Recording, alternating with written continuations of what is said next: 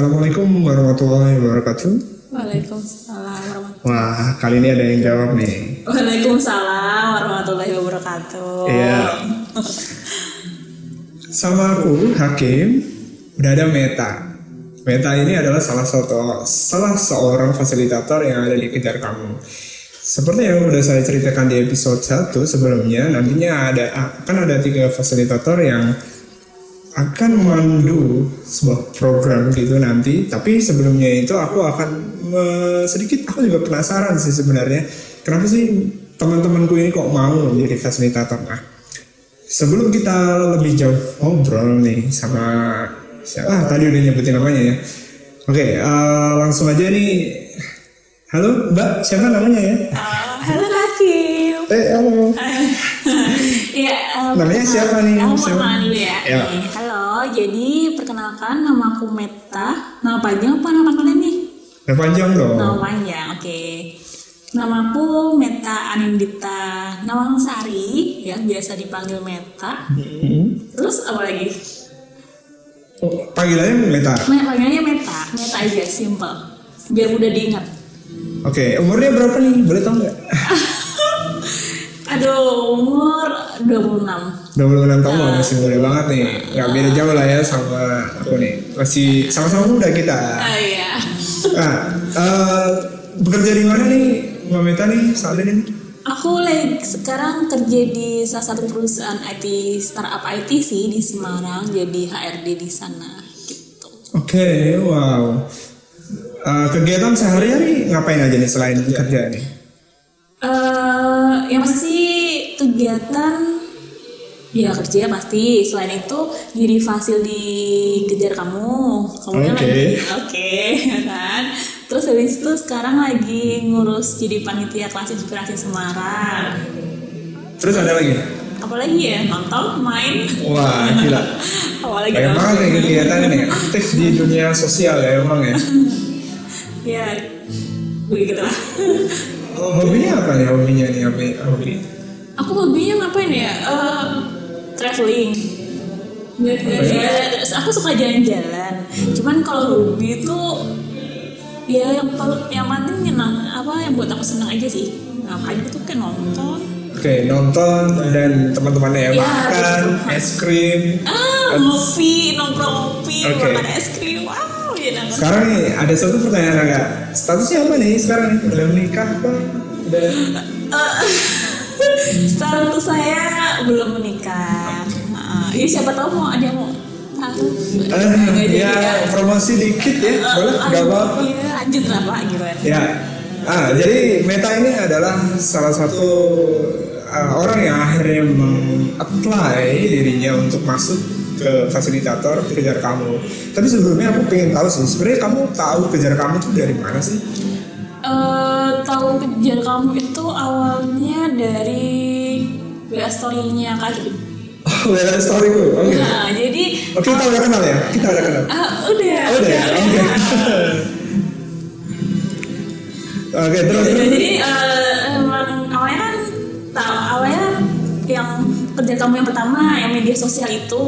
Sebenarnya aku sempat penasaran sih itu sebenarnya tentang apa gitu kan. Ya. Cuman memang mau ikut masih yang entar dulu deh gitu masih belum yang bener belum benar-benar dari hati lah kalau kita ngomong gitu kan masih cuman ya sekedar ah, pengen aja tapi nggak dulu terus akhirnya yang kedua itu adalah yang tentang eh, tema kedua itu kalau tidak salah pengembangan diri. Nah dari situ aku mulai tertarik. Kayaknya seru nih karena di situ posisi aku juga berada di situasi yang aku lagi pengen belajar tentang mengembangkan diri lebih baik lagi. Akhirnya aku mencoba buat ikut kelas itu. Dan menarik gitu loh. Oh, iya, first iya. impressionnya sangat sangat sangat menarik. Nah, tadi dulu dan kebablasan. oh iya. Ada pertanyaan sorry sorry sorry sorry Ah, jadi pertama langsung submit ya waktu itu ya, memang pengen belajar gitu ya. benar Nah, terus setelah kamu ikut, terus menjalani proses dan akhirnya eh,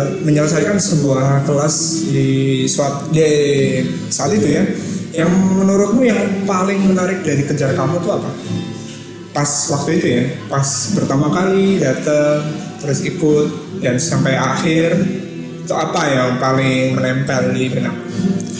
Eh, pertama kali aku ikut kelas yang di kamu kedua itu yang menarik adalah kita semua berkumpul jadi satu kemudian kita diskusi di sana jadi kelasnya tuh memang bukan yang kayak kelas seminar atau kelas-kelas pada umumnya gitu loh kalau misalnya kelas pada umumnya kan biasanya kita itu datang kemudian ada pemateri kita dengerin tanya jawab udah gitu.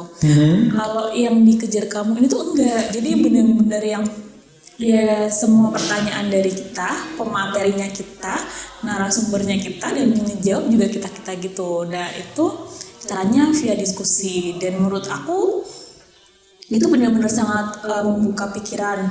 Kemudian uh, bisa menyelam, menyelami diri aku jauh lebih dalam sih maksudnya. Fair. tapi Iya gimana? benar maksudnya benar ya? iya benar. Jadi kayak aku tuh ngerasa yang oh ternyata selama ini tuh aku tahu loh kayak gini. Tapi aku nggak sadar gitu. Dan ya benar-benar membuka membuka pikiran aku gitu Ya, itu ya, sih yang menarik di situ. Gitu ya. Jadi eh, ada semacam sebuah ruang di dalam dirimu yang somehow itu dulu nggak kelihatan Iya, atau apa terus Ah. atau "Uh, ternyata ada ya di sini. iya ah. Oke. Nah, itu yang tadi nih udah cukup nih. Soalnya nanti biar teman-teman yang pengen tahu, "Ah, kok bisa emang bener ya kayak gitu ya. Aku, aku sendiri sempat berpikir kalau kebanyakan cerita-cerita yang aku tulis di Instagram itu eh, menjadikan sebuah cerita itu kayak ini beneran gak sih? Kok kayaknya emang ada-ada? Karena terlalu impossible untuk ada di sebuah forum gitu. Ya itu menurut pandangan gue sih, tapi nggak tahu yang lain. Eh, Oke kita lihat aja nanti kalau misalkan di setiap-tiap tema nanti ada orang-orang yang datang, submit, ngobrol dan apa yang akan terjadi kita nggak tahu. Oke, kita beralih masuk ke bagaimana sih Kak Meta itu menjadi fasilitator. Awalnya itu gimana? Gimana itu maksudnya tahu dari siapa atau diapain atau tahu-tahu daftar, apply kayak kerjaan mungkin. Jadi awalnya aku jadi fasilitator itu ceritanya panjang. Waduh, Cie, panjang. ditunggu nih satu jam pun nggak apa-apa. Oh, enggak. Jadi eh, awalnya bermula dari postingan Hakim. Aku lagi nih. Iya Iya. Eh, yang siapa nih yang mau jadi fasil? Awalnya aku masih ragu sih, maksudnya hmm, aku bisa nggak ya? Jujur sih, pertama tuh aku berpikir bahwa kayaknya berat ya jadi seorang fasil yang harus memandu sebuah jalannya diskusi dan itu nggak eh, sekedar diskusi biasa gitu kan karena emang diskusinya tuh yang eh, kita harus jadi orang yang bisa gimana ya kayak Gimana? tetap tetap biar diskusi itu sesuai dengan alurnya gitu loh Oh, mengarahkan Ah, ya. mengarahkan ya bener kayak gitu itu nggak gampang gitu Eh, Menurutmu saat itu begitu? iya menurutku saya itu begitu ini nggak gampang nih aku bisa nggak ya ragu-ragu Ah, terus, terus akhirnya? akhirnya berpikir berpikir berpikir terus ada aku kan di rumah itu ikut karang taruna nah Hmm, weh, aktif ya. ya kemudian salah satu teman karang taruna aku pernah cerita sih sama temanku. Itu bahwa aku ikut kejar kamu nih kayak gini kelasnya bla terus dia bilang kenapa sih mbak kamu nggak coba uh, buat kayak gitu juga di sini gitu. Kayak seru deh gitu. Nah aku berpikir iya juga ya kenapa? Tapi sebelum itu kan aku harus jadi fase dulu deh. Nah aku harus belajar dulu deh. Akhirnya aku coba gabung jadi fasilitator. Oh, jadi akhirnya memutuskan ya. Berarti itu yang barusan kamu katakan itu bisa jadi motivasi, motivasi pribadi kamu untuk akhirnya ikut kejar kamu, eh maksudnya ikut fasilitator, jadi fasilitator. Berarti hanya ingin belajar dan nanti akan dibawa pulang ke Karang Taruna atau ada motivasi lain mungkin? awalnya sih gitu ya awalnya aku ingin belajar tentang kejar kamu seluk belumnya kejar kamu kemudian bagaimana sih menjadi fasilitator yang baik di, di forum diskusi yang seperti itu tuh bagaimana gitu itu awalnya seperti itu yang akan nantinya aku bawa ke entah ke Karang Taruna atau entah ke lingkunganku lain gitu tapi ternyata setelah terjun oh aku menemukan banyak hal lain gitu di selain selain hanya sebagai selain hanya sebatas aku mau belajar itu doang Oke, di stop dulu, di stop iya. dulu. Belum sampai ke situ, Oke. santai satu-satu. Ya, eh, kalau memang itu berarti eh, ada ya, berarti motivasinya nggak hanya sama sekedar, wah aku kurang kerjaan nih, aku pengen ngelakuin sesuatu yang kira-kira bisa bikin aku terkenal mungkin, atau eh, yang bisa kira-kira bisa dipamerin ke teman, buat ya buat nambahin eh, update-update story, posting, enggak ya? enggak enggak Oh, enggak, enggak. ya, oke. Eh, lalu apa nih? Setelah oke kan habis itu kan pasti udah ngobrol terus eh maksudnya udah ya aku mau oke. Dan setelah itu eh, sebelum menjadi fasilitator alias terjun di lapangan di dalam sebuah kelas, eh, kamu sempat belajar apa aja nih sebelum itu? Aku melalui apa? Belajar apa? Apa? Eh, maksudnya gimana saya bentar bentar gimana sebelum jadi fasilitator kamu itu melakukan apa aja setelah mendaftar dan oke aku ikut Oh gitu. Oh tahap-tahap proses awal waktu itu ya. Ya, betul. Aku sempat diskusi dulu sih. Pertama diskusi pengen belajar fasilitator tuh cek tentang niatnya dulu kan waktu Hmm. itu. Kemudian aku baca buku dulu nih ya Wih, kan. buku apa tuh buku apa Bukunya adalah Sekolah Alam. Eh, iya bener ya. Eh, sekolah ya. Sekolah apa sih aku lupa? sekolah biasa saja Sekolah biasa aja tentang sekolah salah. Aduh, aku saya lupa. ya ya eh, Oke. Iya tentang sekolah. buku itu oke Nah, dari buku itu apa ya Jadi di Eh, situ aku belajar banyak hal yaitu uh, basic atau sejarah sekolah itu seperti apa. Kemudian itu kan dia menceritakan tentang salam ya, salam yang di Jogja itu. ya sanggar anak alam Sanggar anak alam yang di Jogja itu. Nah dari situ uh, benar-benar dikasih tahu bahwa yang namanya tujuan pendidikan yang asli itu seperti apa. Hmm, cita-cita pendidikan ya Nah, cita-cita pendidikan yang sebenarnya itu seperti apa? Kemudian bagaimana sih sebenarnya kita eh, tentang belajar arti belajar yang sebenarnya itu yang seperti apa? Belajar. Kayak gitu kan. kayak di kartun-kartun Kartun, iya benar. Jadi kayak eh, bagaimana sih sebenarnya eh, proses pembelajaran yang mulai dari hipotesis, kemudian kita diskusi, pengalaman dan sebagainya bahwa kita tuh belajar orang tuh akan eh, belajar itu orang seseorang belajar itu belajar itu melalui pengalaman ya learning ya benar ya learning by experience. Hmm, nah seperti itu. Terus berarti itu membaca buku terus setelah itu di dalam buku itu kamu mempelajari beberapa hal sebelum akhirnya menjadi fasilitator. Ya gitu ya di dalam buku itu kamu mendapatkan sedikit uh, insight tentang pendidikan dulu itu seperti apa perjalanan seperti apa dan akhirnya di pendidikan yang diterapkan di Sanggarang Alam itu seperti apa ya? Oke. Setelah itu apa? Ngobrol ya kalau nggak salah ya waktu itu ya kita ngobrol. Iya kita ngobrol kemudian bahas sebenarnya eh, tujuan utamanya ada kejar kamu untuk apa sebenarnya niat awalnya kamu dan apa ya kamu waktu itu kan cerita soal apa sih kalau orang bilang tuh filosofi kekejar kamu itu Oh, Iya. esensi, esensi. nah, Oh, ya, ampun, esensi. Nah, Susah itu. banget. Maaf, maaf, sorry Nah, itu buat esensinya kejar kamu tuh apa kemudian juga belajar tentang bahwa sebenarnya eh, ya kalau misalnya kita diskusi di kejar kamu itu ya seperti tadi yang di buku salam ya, bukunya salam itu tadi bahwa belajar itu melalui pengalaman jadi kita diskusi juga akan lebih diskusinya itu akan lebih enak kalau semua itu bercerita tentang pengalaman Oke. gitu Ya. Itu yang kamu dapat ya sebelum akhirnya nih terjun nih. Hmm. Masih idealis. Ya. Masih, oh oke, Ah, aku tahu nih. Oke. Oh ini gini, ini gini, ini gini. Oh ya, oke. Udah berhasil memetakan ya. Berarti memetakan ini bakal begini, bakal begini, bakal begini. ya. Ah, Nah terus akhirnya berarti setelah itu gimana? Pertama kali masih ingat nggak? Jadi fasilitator kelas apa? Pertama kali jadi fasilitator itu kelas quarter life crisis. Oh iya ya. Kuartal Life Crisis. Waktu itu kita ada di kedai seni Tembalang ya. Iya benar. Ya, kita mention dikit lah yang tempatnya. Ah, udah jadi Ismi Tombalam. Ah, nah itu gimana? Eh, pertama kali ini menjadi fasilitator kan?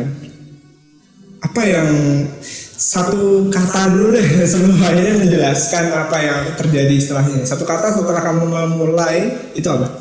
Nano nano. Nah, itu gimana tuh maksudnya?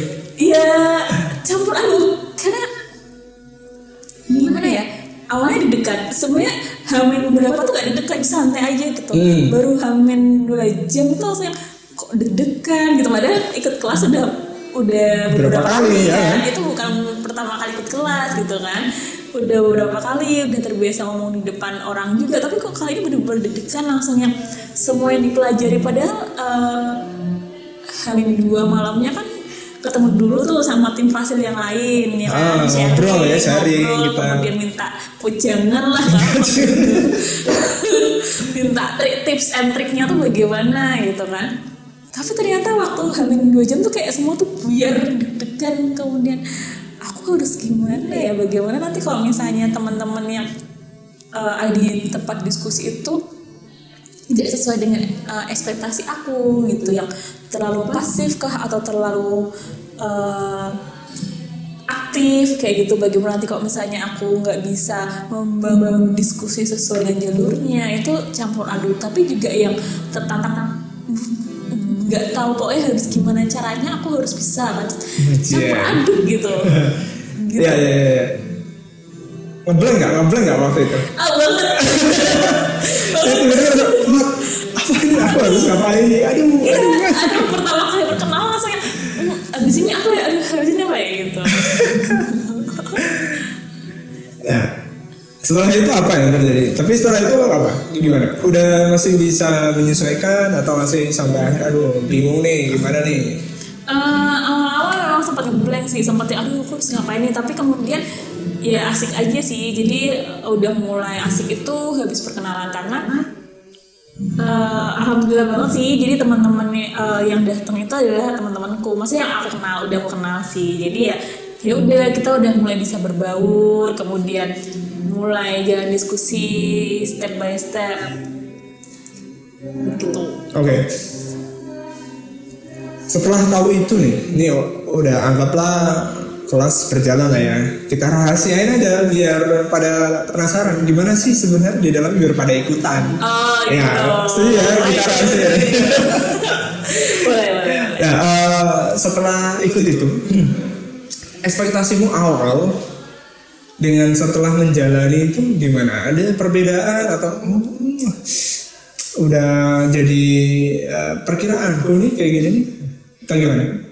ekspektasi awal sebelum mendaftar fasil atau sebelum uh, masuk kelas nih eh sebelum masuk kelas jadi fasil nih beda nih Ya oke, gimana tuh? So, Ah. kalau sebelum sebelum masuk hasil, kalau sebelum masuk fasil ekspektasiku aku akan diajarin dibimbing asik bahasa dibimbing ya dibimbing ke jalan yang benar.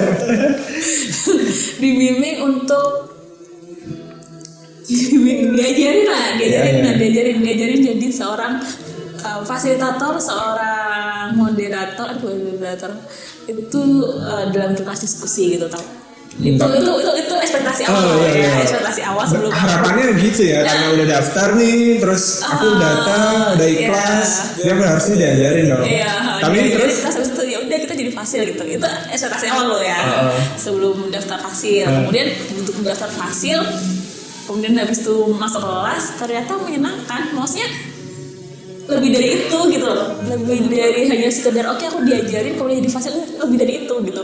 Benar-benar aku belajar bagaimana berinteraksi dengan bermacam-macam orang, bermacam-macam karakter. Kemudian bagaimana aku harus eh, kalau kita kalau bahasanya tuh aku harus lebih toleran kepada mereka kayak gitu. Jadi nggak cuma belajar skill, hard skillnya tapi soft skillnya juga tuh bener-bener diasah gitu loh.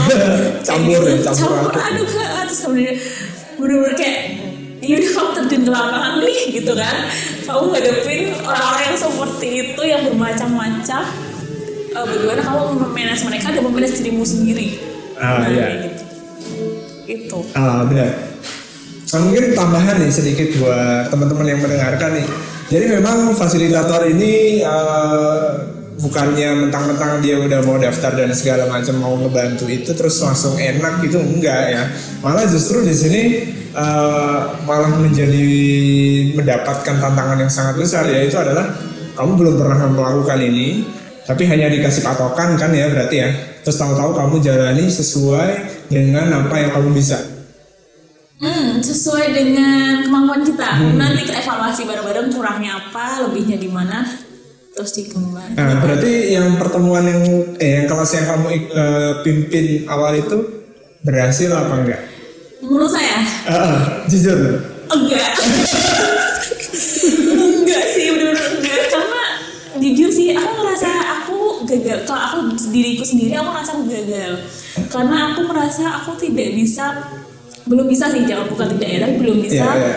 uh, mengatur jalannya diskusi sesuai dengan alurnya itu yang pertama banyak lepasnya Hmm. kemudian belum bisa menggali ke masing-masing individu sampai dalam gitu karena merasa bahwa uh, target berhasilku adalah ketika dari semua individu itu dari semua tim maksudnya kalau semua tim semua Peserta teman-teman yang datang ya. peserta yang datang itu bisa kita bisa aku gali pengalamannya sampai dalam tentang tema itu gitu Hmm. Dan itu belum berhasil Belum. sebenarnya. Ternyata gimana susah ya? susah banget nggak cuma sekedar oke pertanyaannya apa gitu apa Jawab jawabnya apa? apa enggak kayak gitu tapi benar bagaimana kita bisa eh, berinteraksi secara intim personal di dalam sebuah tim tapi tapi tetap yang ngena di di satu orang tuh itu susah gitu Ah, ya ya ya ya ya. Oke, aku paham. Itu memang susah sih karena eh, ya gimana ya namanya orang beda-beda kan. Kecenderungan lain-lain. Ada yang pengen ngomong terus, ada yang eh, maksudnya dia pendiam, tapi sekalinya ngomong dia takut dijudge. iya benar Akhirnya dia diam dan kayak berada di sebuah masyarakat gak sih sebenarnya? Iya, Ada banyak karakter, terus kita ngobrol, kita saling bertukar pikiran dan seterusnya. Oke, cukup di situ. Biar pada penasaran. Oh, oke. Ayo, ya, biar pada ikutan. Terus nih ya, pendapat kamu pribadi selama ada di kelas, apa yang paling membuatmu tertarik? A- a- a- ada nggak satu momen yang kayak, "Uh, aku nggak pernah nih nemu yang kayak gini nih misalkan. pernah pernah Apa tuh? Eh, ya tadi ketemu sama orang yang terlalu cerewet atau terlalu pendiam Eh, gimana ya kalau karena ini diskusi sih bentuknya bentuknya di forum Formatnya ya, formatnya formatnya diskusi. diskusi forum gitu sempet yang yang menarik itu ini menarik bukan sesuatu yang selalu yang selalu Apa? apa ya tidak selalu yang ba- bagus gitu ya maksudnya bukan bukan aku bilangnya nggak bu- bukan nggak- bukan jelek sih tapi bukan selalu kalau kita bilang cantik tuh nggak selalu seperti itu gitu tapi menarik tuh menurut aku adalah hal-hal yang tidak biasa kita temuin Iya, nah iya. itu Apa tuh? yang tadi ketika aku menemukan uh, ada orang yang dia cerewet banget itu tuh menurut aku waktu dalam sebuah fase oke oh ya sebenarnya ya dia nggak salah juga tapi Hmm. oh ternyata emang ada ya orang sampai yang seperti ini Sebegitunya ya? sebegitunya gitu kan Iya, iya, iya. kemudian ada juga orang yang diam tapi sekali ngomong langsung cut gitu ya yang kayak oh ya ternyata ada juga ya kayak gitu itu sih menarik di situ dan benar-benar ada yang sampai dia bercerita tentang pengalaman yang sekalinya bercerita tuh langsung yang sampai ke pengalaman yang dalam banget gitu yang benar bisa mengeluarkan semuanya Hmm. Ada yang ini nggak sampai dia dari hati gitu kelihatan ngomongnya gitu ada. ada Oh, ada juga. di kelasku yang quarter life crisis tuh ada Ada ada, yang ya? sampai dari hati yang bener-bener yang aku sampai tertarik eh, sampai yang wow banget atau sampai agak shock itu adalah itu tadi eh, dia terlihatnya ceria orangnya ceria banget sadar ceria ternyata ketika dia cerita tuh sampai yang oh ternyata masalahnya sampai segitunya banget ya gitu loh dan dia berani benar-benar berani membuka diri di situ karena dia udah percaya gitu sama forum ini Hmm. Ya mungkin itu ya adanya sebuah support system yang terbentuk di dalam forum itu yang akhirnya membuat dia jadi merasa nyaman. itu banyak terjadi juga sih memang tapi eh, pada akhirnya nih menurut kamu setelah menjalani itu kesulitan yang paling berat apa? kesulitan terberat sebenarnya itu sih tadi sih. Jadi kayak bagaimana caranya aku bisa mendalami masing-masing orang gitu mendalami masing-masing orang dengan karakter karakter mereka yang berbeda-beda. Kemudian bagaimana aku bisa menggali mereka lebih dalam di situasi situasi situasi yang memang eh, nggak uh, aku prediksi sebelumnya. Itu paling sulit Berarti itu sama kayak uh, mencoba untuk mengelola kelas dan memaksimalkan apa yang ada di dalam situ kan. Hmm. Jadinya uh, ketika ada pernyataan-pernyataan yang muncul itu bisa di uh, apa sih memberikan kesempatan ke masing-masing orang untuk memberikan menyuarakan pendapatnya. Iya. Itu yang cukup susah ya ternyata ya. Uh, menyuarakan yang tidak sekedar pendapat tapi benar-benar yang dari hatinya mereka, dari pengalamannya mereka, benar yang itu itu yang yang menurut aku sayang. Ya tadi kayak dibilang bahwa ada tipe-tipe orang yang tertutup kayak gitu kan yang dia nggak mau dijudge. Nah itu itu yang saya di situ sih. Iya sih. Oh ya soalnya ini ya apa namanya setiap pernyataan-pernyataan yang keluar di dalam kejar kamu itu harus berdasarkan pengalaman ya. Benar. Kalau enggak menurutmu gimana? Kalau kalau misalkan ini bayangan aja sih.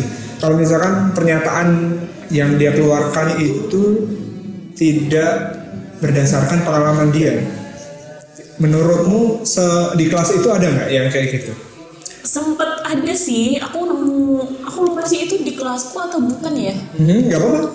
Aku lupa. Pokoknya ada sih yang dia tuh memang gimana uh, ya udah dia ngomong sesuai dengan apa yang dia tahu aja tapi bukan bukan pengalaman gitu loh. Jadi kayak sesuai apa yang dia baca aja atau sesuai dengan apa yang dia tahu atau kata temennya dia atau kata orang itu. Dan jadinya ya udah gitu doang. Jadi kayak misalnya kita bahas apa ya udah berhenti di situ gitu. Maksudnya kalau misalnya pengalaman itu kan dia akan terus kemudian memunculkan pertanyaan lain juga atau kemudian bisa menjawab pertanyaan lain atau kemudian menjadi suatu berdiskusi juga gitu kan yang dibahas bareng-bareng jadi nggak bisa terbuka itu gitu kalau misalnya nggak dari pengalaman.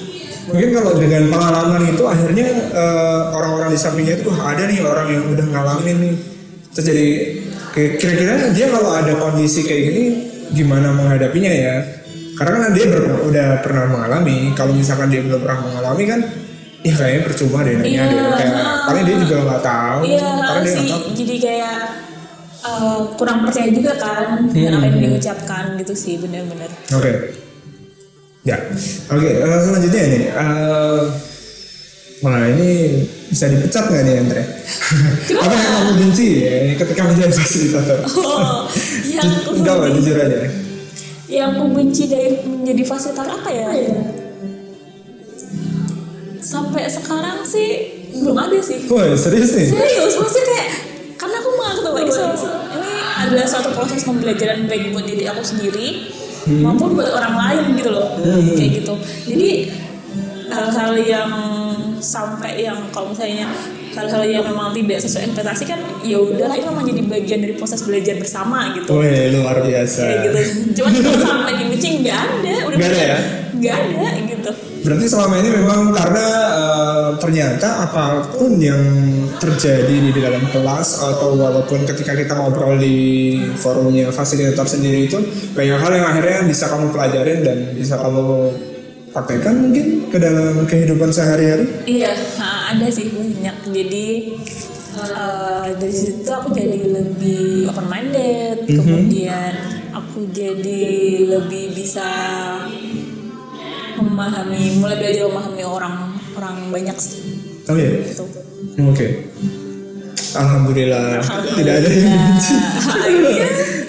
Oke. Okay. Uh, eh, so, tinggal dikit nih. Uh, ya mungkin tadi udah sempat sempat dimention dikit-dikit tapi secara uh, menurutmu sendiri coba disimpulkan yang kamu pelajari menjadi fasilitator itu banyak sedikit uh, terbatas atau malah kayak oh ini kayaknya ada kemungkinan aku bakal ketemu banyak hal dan uh, bisa jadi di tiap kelas itu akan menemukan hal-hal yang berbeda.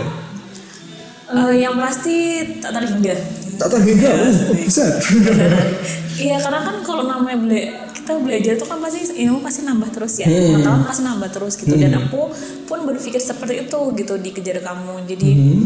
Akan selalu ada hal baru yang menarik hal baru yang bisa dipelajari ketika kelas apa kelas lagi kelas lagi ada selalu ada kelas lagi ada kelas lagi gitu loh intinya seperti itu. Dan menjadi fasilitator kan kalau nggak cuma di kelas tapi kita ketemu tim fase juga. Dan itu pun banyak hal yang kita pelajari gitu di setiap pertemuannya tuh pasti ada hal baru.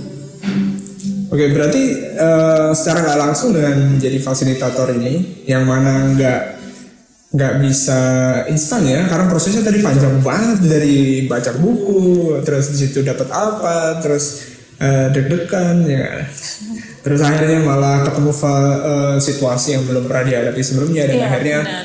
eh, maksudnya itu itu sebuah proses yang panjang kan, menurut Ah. saya itu nggak memakan waktu seminggu dua minggu kan, waktu itu Enggak. berapa lama ya? Eh, dua bulan apa ya dua bulan lebih kayaknya. lebih kok lebih kok. Sampai akhirnya kamu Ah, dapat kelas sendiri kan? iya ah, benar-benar lebih iya dari baca buku dulu kan Hmm, nah, Iya.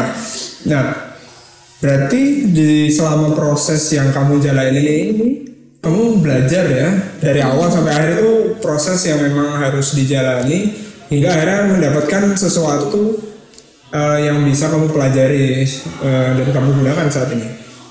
Benar gak sih? Iya benar. Jadi banyak hal, ya pasti dari awal aku selalu bilang bahwa banyak hal banget, banyak banget lah. Itu deh pokoknya. Ya aku pelajari dari fasilit, dari fasilitator kerja kamu. Ya, oke, thank you. Beta, eh, cukup sekian nih obrol-obrolannya sama saya Hakim. Ya, sama-sama Kak Aki. Ya, eh, semoga motivasinya itu selalu bisa terjaga dan atau bahkan lebih ya, kalau bisa ditingkatkan lebih eh, dunia akhirat mungkin Wah, bisa bisa jadi. Ah, amin. Ya, em, selanjutnya mungkin eh, bukan mungkin sih memang ya nanti selanjutnya masih ada dua orang lagi yang akan aku coba untuk wawancarai yaitu adalah masih ada Ida. Ida siapa? Ida Wahyuliana ya. Dia adalah seorang pekerja kantoran di bidang apa ini? Publish ya eh bukan. Ah, sosial media lah ya. Benar. media media. nah dan satu lagi ada seorang namanya Reza Dewantoro. Dia masih mahasiswa mau lulus tapi nggak tahu tuh lulusnya kapan. Nah itu nanti di episode berikutnya aku akan mencoba untuk ngobrol sama dia apakah dia mengalami hal yang sama dengan Meta yang tadi dia ceritakan panjang lebar itu? Apakah mereka juga mendapatkan sesuatu yang bisa dipelajari bisa dibawa ke kehidupan yang masing-masing kita coba lihat besok. Karena kejar kamu ini ada memang bukan untuk saya. Saya hanya memulai karena saya ingin. Dan saya butuh. Tapi sebenarnya kunci sebenarnya di kejar kamu ini adalah sesuai dengan namanya yaitu adalah mengejar kamu. Ya terima kasih sudah mendengarkan sekitar 33 menit. Tidak terasa Sampai jumpa di episode berikutnya. Wabillahi taufiq. Wassalamualaikum warahmatullahi wabarakatuh.